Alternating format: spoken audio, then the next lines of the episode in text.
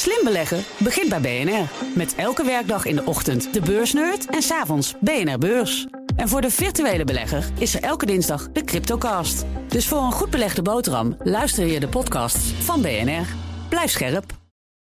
En bedrijven die met hun activiteiten biodiversiteit en ecosystemen ondermijnen, kunnen door een nieuw verdrag straks lastiger aan financiering komen. We spreken het allemaal in het economenpanel met Esther Barendrecht, hoofd Rabo Research Nederland. En Martin Visser, econoom, financieel journalist bij De Telegraaf. En mijn zakenpartner vandaag, Joyce Knappen, oprichter van ProParents. Dankjewel. Nou, welkom uh, allen. Uh, ja, de dag nadert waarop de nieuwe steunmaatregelen van het kabinet ingaan.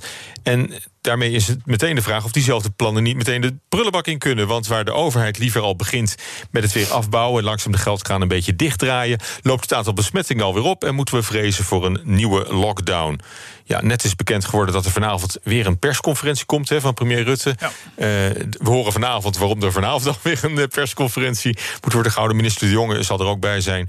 Uh, wat denk je, uh, Martin? Vrees jij voor maatregelen die de economie opnieuw zullen, zullen raken, verder op slot zullen doen? Ja, we bang wel van wel, ja. En je ziet natuurlijk dat het kabinet probeert, kost wat kost, een algehele lockdown te voorkomen, zelfs ja. regionale lockdowns. Omdat daarvan de impact, niet alleen op de economie, maar gewoon op de hele samenleving, ongelooflijk groot is. Maar ook al zou je de maatregelen gerichter en beperkter doen, ja, dan nog, ja, denk je, weet je, luister maar naar het nieuws. Ik bedoel, het is allemaal corona, corona, corona. Ja, dat stimuleert niet voor mensen om geld uit te geven. Ik denk dat de consument als vanzelf kopschuw zou worden en dan komen die maatregelen daar nog eens een keer overheen. Ja, Esther Barendrecht, denk je ook dat, het, dat we er niet onderuit komen? Nou ja, ik, kijk, dat steunpakket dat, uh, dat bewijst uh, in dit klimaat juist zijn relevantie, zou ik zeggen. Hè? Dus mm. hè, we hebben ons inderdaad zorgen te maken over de ontwikkelingen. Uh, tegelijkertijd, dat is ook niet helemaal onverwacht. Hè? Dus op zich, dat met het vallen van de herfst en de winter de besmettingen oplopen, dat is iets ja, waar we denk ik rekening mee hadden kunnen houden. En wat de, wat de regering denk ik ook wel een beetje gedaan heeft. Mm. Um, maar goed, uh, ja, dus dat steunpakket dat, uh, heeft zeker zijn relevantie de komende tijd. En is, ja, zou ik zeggen, ook gelukkig uh, mm. He, ingesteld tot volgende zomer. Dus, dus zal nog een tijd voor steun. Moet lang en dun moest het worden, hè? Deze, de, ja, de langer en dunner was het inderdaad. Langer dat is een heerlijke one-liner die we helemaal goed kunnen onthouden. ja. 11, 11 miljard maar, euro, is, is, dat dan, is dat dan genoeg? Hoe, hoe, uh, hoe bereken je dat? Of, dat? of dat genoeg is onder, onder deze omstandigheden? Ja, Martin? Nou ja, uh, de, de, fundamentele vraag ligt voor mij voor. Van, als, stel dat je toch af zou steven op een lockdown... ben je dan bereid als kabinet om de maatregelen weer tijdelijk uit te breiden? Ja. Dus in die zin, ik ben niet helemaal met Esther Barendrecht eens... dat het kabinet hierop voorbereid was. Natuurlijk wisten dat er een groot risico een grote kans was op een tweede golf in, in het najaar. Maar ik vind het opvallend dat in het financieel-economische beleid eigenlijk het kabinet tot nog toe niet is ingegaan op dat scenario. Dat is ook een verwijt van de Raad van State geweest met Prinsjesdag. Het Centraal Planbureau heeft gewoon een keurig tweede scenario voor als het weer helemaal mis zou gaan. Overigens uh, was het niet verwacht dat het al in september, oktober zou nee, zijn, maar misschien pas later. Mm. Maar wat gebeurt er dan? Ben je dan? Ga je dan weer voor twee maanden de hele horeca overeind houden? Uh, haal je de ontslagboete weer tevoorschijn? Ik denk niet dat het kabinet dat doet, maar die vraag hangt mm. nog wel in, uh, in de lucht. Dus in die zin. Is, ze, hebben, ze hebben het niet gecommuniceerd, maar denk nee, je dat ze überhaupt denken van. Uh, nou, als mijn, het zover is, dan, dan zien we dan wel weer? Nou ja, mijn indruk is wel dat er heel erg gereageerd wordt op de ontwikkelingen. Uh, dat zie je natuurlijk nou, heel praktisch al. Die persconferentie werd vrijdag aangekondigd en die wordt niet dinsdag en eens maandag. Ja. de ontwikkelingen gaan sneller dan, dan verwacht. En het kabinet reageert daar. En in, in het economische beleid heb ik, die, heb ik die indruk ook. Dat ze denken, nou, we nemen het besluit op het moment reactief dat, dat, het, dat het voor ligt. En er zit ook wel iets voor te zeggen, hoor, want het is onmogelijk om alles helemaal te voorzien. Dus ik begrijp het op zich ook wel, maar ik denk dat ondernemers wel duidelijkheid willen hebben van als die lockdown dreigt, in wat voor soort steunregime uh, kom ik dan straks terecht? Maar ja, is het niet logisch dat de overheid gewoon nog iets achter de hand wil houden? Dat ze eerst met deze maatregelen zijn gekomen en Allicht, afhankelijk ja. hoe het virus zich ontwikkelt, daarna moet je reactief pas met steunmaatregelen reageren, toch? Ja, nee, dat kan zeker. En het is ook, ja, ook zeker. Ja, Esther, wat denk jij? Nou, er zit natuurlijk wel iets in dat design uh, van het steunpakket. Hè, want de, de, afbouw zit hem eigenlijk op twee vlakken. Het ene is dat dus, hè, de bedragen die bedrijven krijgen... die gaan een beetje omlaag in stappen. En tegelijkertijd gaat eigenlijk de drempel om steun te krijgen omhoog. Dus hè, bijvoorbeeld voor de NOW, die loondoor, loondoorbetaling... dan zou vanaf 1 januari die drempel naar 30% omzetverlies gaan. Nou ja, tegelijkertijd, hè, als het nou zo is dat die crisis zich echt verergert... Mm -hmm. dan is die drempel ook weer makkelijker te halen. Dus iets in dat design... Uh, gaat hier al een beetje in mee, hè? Ja, dat is ook zeker zo. Het is niet zo dat er niks is en dat het ogenblikkelijk enorm wordt versoberd. Dus dat, dat, dat, dat, dat, dat ben ik het ook helemaal mee eens. Dat klopt ook wel. Dat gaat echt stapsgewijs. De vraag blijft nog wel een beetje. De, de, de gedachte achter de, het stapje voor stapje versoberen van een steunpakket. is dat het kabinet tegen ondernemers zegt: pas je aan aan het nieuwe normaal. Ja. En dat, is, dat is natuurlijk ongelooflijk ingewikkeld. als we nog zo bezig zijn met, met, met de problemen van, van alle dag en oplaaien, de tweede golf. En wat is dan precies dat, tweede, dat nieuwe normaal? Als tegelijkertijd wordt mm. voorgespiegeld ergens volgend jaar zal er een vaccin zijn. Waar moet je precies als ondernemer dan op voorbereiden? Dat is, ik denk dat het best wel een ingewikkelde puzzel voor veel ondernemers nou, is. Er, komt, er komt natuurlijk een moment dat, dat de, de steun ophoudt voor veel bedrijven. Veel bedrijven zullen dan misschien ook de conclusie moeten trekken: we, we, hebben het niet gered.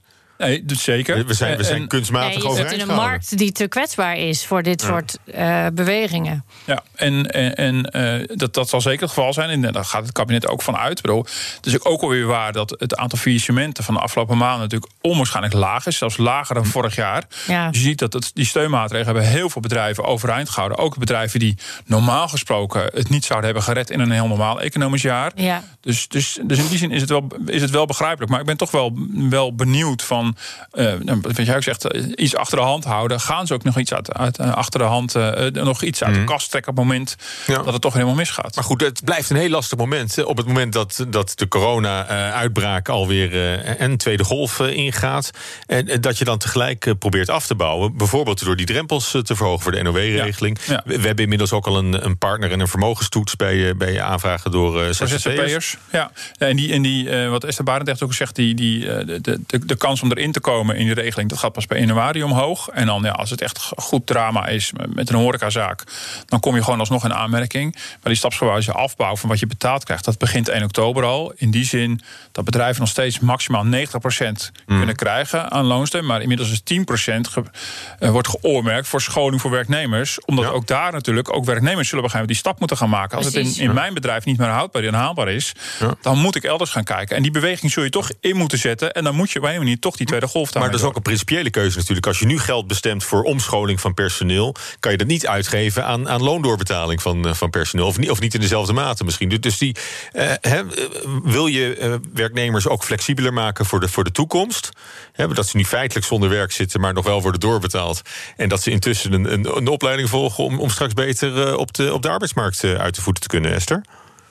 Ja, nou, er zit inderdaad. Hè, de, er wordt meer van, ook van werknemers gevraagd in dit derde steunpakket. Dus enerzijds is er de facilitering van, van uh, omscholing en dat soort dingen. En anderzijds ja, is er ook dan die mogelijkheid voor werkgevers om, um, om met hun uh, personeel in gesprek te gaan en bijvoorbeeld af te spreken van nou, contractueel minder uren en ook minder loon. Of toch mensen laten afvloeien. Um, ja, en ik vind dat ook, ook niet zo'n gekke gedachte. Want Kijk, mensen een jaar lang uh, niets laten doen, daar, dat is ook niet echt een goede mm. oplossing. Hè? Nee. Dus, en het lastige is natuurlijk wel dat je in zo'n moeilijke arbeidsmarkt. is het ook heel erg uitdagend om ze weer in een andere functie te krijgen. Maar mag, dus mag, mag, het, mag ik dat heel concreet maken? Ik bedoel, daar ben ik wel nieuwsgierig naar, uh, Esther. Ik bedoel, stel nou dat het besluit is: Amsterdam gaat op slot. Ik zeg maar wat, hè? Ik bedoel, dat zou een optie mhm. kunnen zijn. Alle horeca in Amsterdam moet, moet dicht laat je dan die Amsterdamse horeca failliet gaan? Of, of uh, is, is de huidige steun dan nog voldoende? Of ga je toch helemaal terug naar zo'n regime van maart... waarin je gewoon echt alles op alles zet om iedereen overeind te houden? Dat is toch de vraag die voor ligt. Ja, maar ja, ik vraag me wel af de, de, Amerika, de Amsterdamse horeca helemaal op slot... of dat nou ook uh, helemaal nodig zal zijn. Want ik denk dat we langzaam ook wel leren... van welke maatregelen meer en minder helpen. En, ja. Um, die, kijk, het gaat natuurlijk om de afstand tussen mensen bewaren. Hè. Dus inderdaad, de danstenten, uh, de nachtdisco's, dat wordt een hele lastige. Um, maar uh, heel veel andere horeca kun je op een andere manier natuurlijk toch best een deel van de activiteit door laten gaan. En ik denk dat ook alle inspanningen erop gericht zullen zijn om het zo te organiseren. Ja, maar ik denk, los, even los daarvan, ondernemers zijn niet voor niks ondernemers geworden. Het zijn ontzettende creatievelingen. Er is, ik, ja, ik ken geen ondernemer uh, die ik, ik ben zelf ook ondernemer en in het netwerk waarin ik zit, er is echt geen ondernemer die nu al sinds maart uh, als een schildpadje op zijn rug richt uh, af te wachten. Er zijn volgens mij al ontzettend in beweging hoe ze zich moeten verhouden mm. tot deze nieuwe realiteit en, en hoe ze blended on- en offline, hoe ze hun businessmodel ook kunnen innoveren. Bedrijven en ondernemers hebben ook uitstel gekregen van, van belasting betalen. Hè? Dat, ja. dat is ook, maar dat is ook eigenlijk vooruitschuiven van, van de problemen. Ja, maar ze zijn zich ook aan het, om, aan het ombouwen, dat mhm. bedoel ik. Ja. Maar, maar goed, als je, als je het bekijkt vanuit de overheid en vanuit de maatregelen die nu worden genomen om de economie te ondersteunen, is één daarvan is, is, het is toch het uitstel van belastingen. Het zou eerst vanaf 1 januari mhm moeten beginnen met terugbetalen. Uh, nu wordt 1 juli genoemd als datum. Is, is, is, dat dan beter? Ja, nou ja, ja, ik snap het wel. Dat is een roep vanuit de Tweede Kamer. hebben de algemene beschouwingen uh, om iets later dan mee te beginnen. Ja, vroeg of laat moet je ermee beginnen. En het is uitgesmeerd. Het, heeft enorm, jaar mag, ja, dat heeft natuurlijk enorm geholpen. Het is, het is een maatregel die denk ik heel veel impact heeft gehad. Ja, het viel wat minder op dan bijvoorbeeld die NOW, die loonsteun. Hè. Dat, was natuurlijk, dat was misschien net even iets concreter voor heel veel mensen. Maar voor ondernemers was het uitstel van belasting natuurlijk een belangrijke. Net zo goed als er heel veel zijn geweest met een deal hebben gemaakt over de huren. Uh, Als ze een beetje mhm. gewillige huurbaas hadden. Of allerlei andere uh, kostenposten. Maar vroeg of laat moet het worden terugbetaald. En of de timing nou goed is. Of je die precies op het juiste moment in de pandemie mhm. kan timen. Dat is nou juist het, precies het ingewikkelde. Uh, en, en dat zal een beetje moeten blijken. Nou, schuif je het zes maanden door, geef je wat extra lucht. Dat kan. En als je nou even helemaal uitzoomt hè, en, kijkt naar, naar, naar, de wereldhandel als geheel, die groeide in juli nog met 4,6 eh, procent. Uh, hebben we van het, uh, het CPB gehoord. Is dat een hoopgevend? Of, of heb je eigenlijk niks meer aan die cijfers als, als op microniveau steeds nieuwe maatregelen worden? Nou ja, je, ziet dat, dat, dat de, deze crisis sectoren op een heel andere manier raakt. en het is denk ik wel een verschil tussen nu en helemaal in het begin van, van nou, voor Nederland half maart. Toen waren het ook heel veel internationaal georiënteerd bedrijven al diep in de problemen, omdat hun handelstromen met China natuurlijk stokten. Uh, en je ziet dat daar natuurlijk wel meer ruimte ontstaat. En ook daar ben ik met Esther Barendrecht wel eens. We hebben ook wel dingen geleerd. Dus het is niet zo dat we weer automatisch in de tijd eh, teruggaan, dat alles helemaal eh, plat gaat. En, maar ja, je, je, ziet dus, nu is het weer een kwestie van hoe gaat het nu verder met de horeca of met de kappers. Of, en ondertussen de exportstromen lopen wel weer, weer enigszins. Maar goed, ja, uiteindelijk, ja, vergeleken met normale jaren is het natuurlijk allemaal nog wel steeds les hoor. Zaken doen. Ja, het is een uh, bijzonder uh, jaar, dat is het zeker. We zitten midden in het economenpanel. U hoorde Esther Barendrecht, die probeerde er nog even tussen te komen. Die mag het zo zeggen. Zij is hoofd Rabo Research Nederland. Martin Visser, econoom en financieel journalist van de Telegraaf. En mijn zakenpartner vandaag Joyce Knappen van ProParents. Uh, Esther, wat wilde je zeggen? Nou, heel even over die wereldhandel. Wat, wat daar natuurlijk vooruitkijkend ook nog wel belangrijk is... dat, oké, we gaan ervan uit, we krijgen een effectief vaccin... Uh, hopelijk in de loop van volgend jaar. Maar dat zal niet overal in de wereld evenveel beschikbaar zijn. Hè. Dus um, er zijn natuurlijk heel veel landen waar dat uh, helemaal niet uh, goed aangekocht kan worden. Laat staan effectief de hele bevolking ingeënt. Dus um, nog even buiten ons eigen wereldje in Nederland. Hè.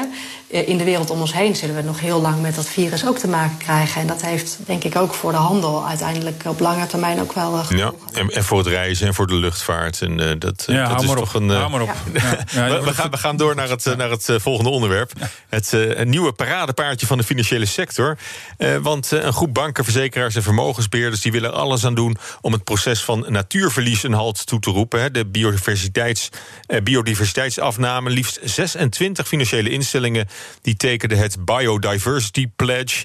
En daar zit eh, ASN Bank bij, Robeco, AXA Group, HBSC eh, Global Asset Management. Eh, een grote partij, ik geloof samen 3000 miljard euro in, in beheer. Dus dat, ja, het, het idee is dat, dat ja, dat ondernemingen straks moeilijker aan bedrijfsfinanciering kunnen komen. als ze niet ook op het gebied van biodiversiteit hun zaakjes op orde hebben. Ja, en voordat je nou We Are The World gaat aanheffen... of een, een van de andere gezamenlijk collectief lied... Het is keihard uh, eigen belang natuurlijk. Uh, uiteindelijk wel. En dat is ook verder prima. Bedoel, ja. Hoe mooi is het als je dat financiële eigenbelang kan samen laten gaan... met wat uiteindelijk voor de, voor, voor de maatschappij goed is. Uh, maar dit is bijvoorbeeld een thema wat de Nederlandse bank ook steeds op wijst. Mm. overzicht financiële stabiliteit. Het komt twee keer per jaar uit. Uh, klimaatrisico's, maar ook biodiversiteit is als een, als een item aangemerkt. En uh, Nederlandse bank als toezichthouder zit er bovenop. Mm -hmm. Ervoor te zorgen dat pensioenfondsen en banken um, nou, toch wel opletten dat ze niet uh, projecten blijven financieren die vroeg of laat, vanwege allerlei klimaatrisico's, problematisch kunnen gaan worden. En in die zin zit er eigen belang in. Nou goed, de enige aarzeling die ik bij dit soort dingen altijd heb, is dat die partijen dit natuurlijk vervolgens ook heel erg gebruiken in hun marketing. Ja, en nou, dan, dan is het altijd heel moeilijk, zeker als consument, om, uh, om de werkelijkheid en de mooie praterij uit elkaar te houden. Dus daar zit altijd wel een beetje een aarzeling. Het wordt natuurlijk tegelijkertijd ook heel erg in het bouwen van je merk gebruikt. Ja, dan blijkt vaak uit de, de, de, de, kritische platforms die dat dan volgen, mhm. die merken toch vaak op dat in de praktijk het net even iets minder vrij is dan. ja, en heeft, het dan weinig echte inhoud, zeg je dat? Nee, ook? Dat, zeg, dat zeg ik niet. Ik zeg niet dat er, is ook een, heeft. er is ook een kennisplatform Partnership for Biodiversity Accounting Financials opgericht. bedrijven kunnen hun biodiversiteitsafdruk meten. dat zijn toch wel ook wel serieuze stappen, denk ik. Voor ik zeg niet dat het geen inhoud heeft, maar het is, het, voor een deel is het natuurlijk ook het opfrissen en het opfleuren mm. van je eigen merk. En dat mag ook allemaal. en dan is het goed. doordat dit steeds meer een thema is, ook in de financiële wereld, zie je natuurlijk dat tegelijkertijd allerlei NGO's en, en allerlei milieuorganisaties dat dan ook heel kritisch gaan volgen. En natuurlijk wel steeds de vinger op de zere plek leggen van mm. je zegt wel dit, maar je doet ondertussen ook nog dat. maar dat is wel goed, toch? dat dan de hele markt geactiveerd wordt om dat kritisch te blijven volgen. Want ik zou als consument ook willen weten: maken ze het waar? Bij welke bank mm. bankier ik? Doen ze ook wat ze beloven? Ja, uh, Esther, Rabobank zat er ook bij, hè? Bij die club. Uh... zeker, ja hoor. Ja. Dus nou, je mag het evangelie even verkondigen. Ja, nee, kijk, ja, um, ik ben natuurlijk maar een, eco, hè, een beschouwde econoom. Maar nee, kijk, voor Rabobank is dit ook hartstikke belangrijk. Want uh, ja, algemeen bekend, Rabo is een hele grote uh, landbouwbank, ook wereldwijd. Mm. En in Nederland ook uh, groot op dat gebied. Dus uh, ja, dat gaat over de klanten van de Rabobank. Ja, als de bij uitsterft, dan, dan is, is de bestuiving ja. voorbij. Voor nee, voedselgewassen. Dus, dus, daar, dus daar ligt echt wel een intrinsieke motivatie bij een bank als, als de Rabobank. Maar ik denk ook andere om daar, ja, om daar niet achter de troepen aan te lopen, maar juist erop vooruit. Ja. Maar goed. En misschien even over dat. Ja? Ja, nee, zeg maar. Oh, nee, ik zit heel even over dat, over dat meten. Dat, hè, dat is wel natuurlijk een hele belangrijke. Hè. Als, je, als je echt concrete veranderingen wil afdwingen, ja, dan moet je ook wel kunnen meten en laten zien um, en toetsen wat, wat je dan bereikt. En dat is denk ik bij biodiversiteit echt best wel lastig. Hè? Want wat ga je dan doen? Ga je dan uh, wormpjes in de bodem en vlinders in de lucht uh, tellen bijvoorbeeld. En ga je dat dan... Eh, in Nederland zijn dat weer heel andere diertjes en plantjes dan in de Amazone. Mhm. Dus uh, dat is best een uitdaging om daar echt goede wereldwijde toepasbare standaarden te maken. En uh, ja. Nou ja, daar zijn dit soort initiatieven dan ook weer belangrijk voor om daar ja, meer effort op in te zetten. Ja, dit, dit was een groep van 26, uh, 11 uit Nederland, uh, financials die hier aan, aan meedoen. dan zijn er dus veel meer die er niet aan meedoen dan wel. Ja, nee, zeker. Ik bedoel, dit is, je ziet natuurlijk dat de, de, de stap naar eh, klimaat en duurzaamheid door veel meer partijen wordt genomen. Dit is weer een, zo zie ik het als, als weer als een vervolgstap. Mhm. Dat zal alleen maar uitbreiden. Je ziet natuurlijk dat, dat uh, inderdaad, ondanks mijn sceptisch, uh, even goed kaf van het koren scheiden. Uh, wel even kijken wat er echt gebeurt. Je ziet natuurlijk wel degelijk dat heel veel grote bedrijven natuurlijk met deze thema's bezig zijn. Het, het keert natuurlijk altijd terug in Davos, het Economic Forum. Mhm. waar ook de roep is om, we willen ook gewoon accounting standards mhm. hebben voor dit soort doelen. Die toch wel met je stof te zijn, wat moeilijker te meten. Juist om, om te laten, ja, ook om verantwoording te kunnen afleggen. Uh, ja, goed, dit is dan een groep van 26, maar dan volgen er ongetwijfeld nog heel veel. Want als je het niet doet voor een betere wereld, dan doe je het uiteindelijk puur voor de eigen poen en voor, de, voor, die, voor je eigen financiële maar toekomst. Goed, als dat een prikkel is, het is ook een prikkel. Dus dat, uh, dat, werkt, dat werkt alleen maar uh, beter. We kunnen het nog kort hebben over de arbeidsmarkt. Het CPB heeft aanwijzingen dat er in Nederland sprake is van marktmacht bij werkgevers. Die kunnen het loon van werknemers lager zetten dan het gangbare marktloon, zonder daarbij substantieel werknemers te verliezen. Dus je staat een beetje rug tegen de muur als werknemer. Je, je, moet haast wel uh, daarin meedoen. Is dat een fenomeen dat jullie bekend voorkomt, Martin? Ja, um, nou, in die zin in Nederland is er nu al een paar jaar een eh, flinke discussie over gespreid dan in, in, Nederland. Hoe kan het toch dat die lonen in verhouding wat mm. af te blijven? Um, dat, dat, leek het afgelopen jaar net eindelijk weer een beetje goed te gaan. Toen kwam die coronacrisis er doorheen. Ik moet zeggen dat het stuk van het Centraal Planbureau was in die zin een beetje teleurstellend. Uh, uh, ja, ze doen literatuuronderzoek te kijken naar Nederland. Maar uiteindelijk hebben ze ook niet echt een hele duidelijke verklaring waar het nu mm. door komt. Want er zijn een paar sectoren waar dan marktmacht is, waar relatief weinig werkgevers. Dus heb je als werknemer weinig keus. Maar ze concluderen dat daar eigenlijk niet het grootste probleem met de lonen zit. Die zit weer in andere sectoren, bijvoorbeeld zoals de, eh, zoals de, de, de, de horeca, uh, waar helemaal geen sprake is van marktmacht. Want er zijn heel veel werkgevers. Ja. Dus in die zin het, zijn gewoon, het zijn gewoon sectoren die slecht betalen. Dus in die zin blijft het allemaal, uh, denk ik dat, dat, dat de, de mate waarin flexwerk wordt ingezet. Nou goed, moet je ook wel een beetje marktmacht voor hebben. van, van belang is. Maar het blijft nog wel een beetje een raadsel wat nou precies het probleem is. Um, en daar komt het CPB ook nog niet helemaal uit. Nee, Esther? Ja, nee, het was inderdaad een heel erg genuanceerd en ook wel technisch verhaal. Maar ik, er zit nog wel een paar leuke dingen um, in. Zoals bijvoorbeeld de hint dat, um, dat uh, met marktmacht de effecten van een verhoging van het minimumloon wel eens anders kunnen zijn dan algemeen wordt gedacht. Dus het CPB geeft hier maar eigenlijk een beetje ruimte voor, het argument, voor argumenten om het minimumloon te verhogen. En dat is dan weer een puzzelstukje in de ja, heel ingewikkelde puzzel van het Nederlandse belasting- en toeslagenstelsel. want met een hoger minimumloon kun je bijvoorbeeld wellicht met minder toeslagen toe. Ja. Nou, een beetje vanuit die blik heb ik het gelezen en het toch wel interessant gevonden. Oké, nou, dat, ik denk ook vooral voor een volgend kabinet. Ja, voor een volgend kabinet eh, is dat leuk ten aanzien van het minimumloon. En dus mogelijk marktmacht bij, eh, bij werkgevers en, en de loonontwikkeling. Ik wil jullie hartelijk danken voor dit economenpanel. Esther Barendrecht, hoofd Rabo Research Nederland. Martin Visser, econoom, financieel journalist van de Telegraaf. En mijn zakenpartner vandaag, George Knappe, oprichter van ProParents. Dankjewel, fijn dat je erbij was. Merci. Uh, tot zover BNR Zaken doen voor vandaag. Morgen is Thierry van Lanker te gast. Hij is topman van Axo Nobel. Na een slecht kwartaal zit de verfproducent weer in de lift. Morgen meer daarover. Deze uitzending is terug te luisteren via de BNR-app en bnr.nl.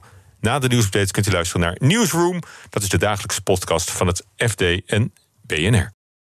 BNR Headlines. De hele dag binnen- en buitenlandse politiek. In Nederland hebben we geen munitiefabrieken. De hele dag economie. Vijf dagen in de week bezorgen, dat kan niet uit. De hele dag technologie. Amerikanen weer op de maan. Heb je eigenlijk geen tijd, maar wil je toch op de hoogte blijven? BNR Headlines. Het laatste nieuws, maar dan in het kort. Ga naar je podcast-app en abonneer je op BNR Headlines.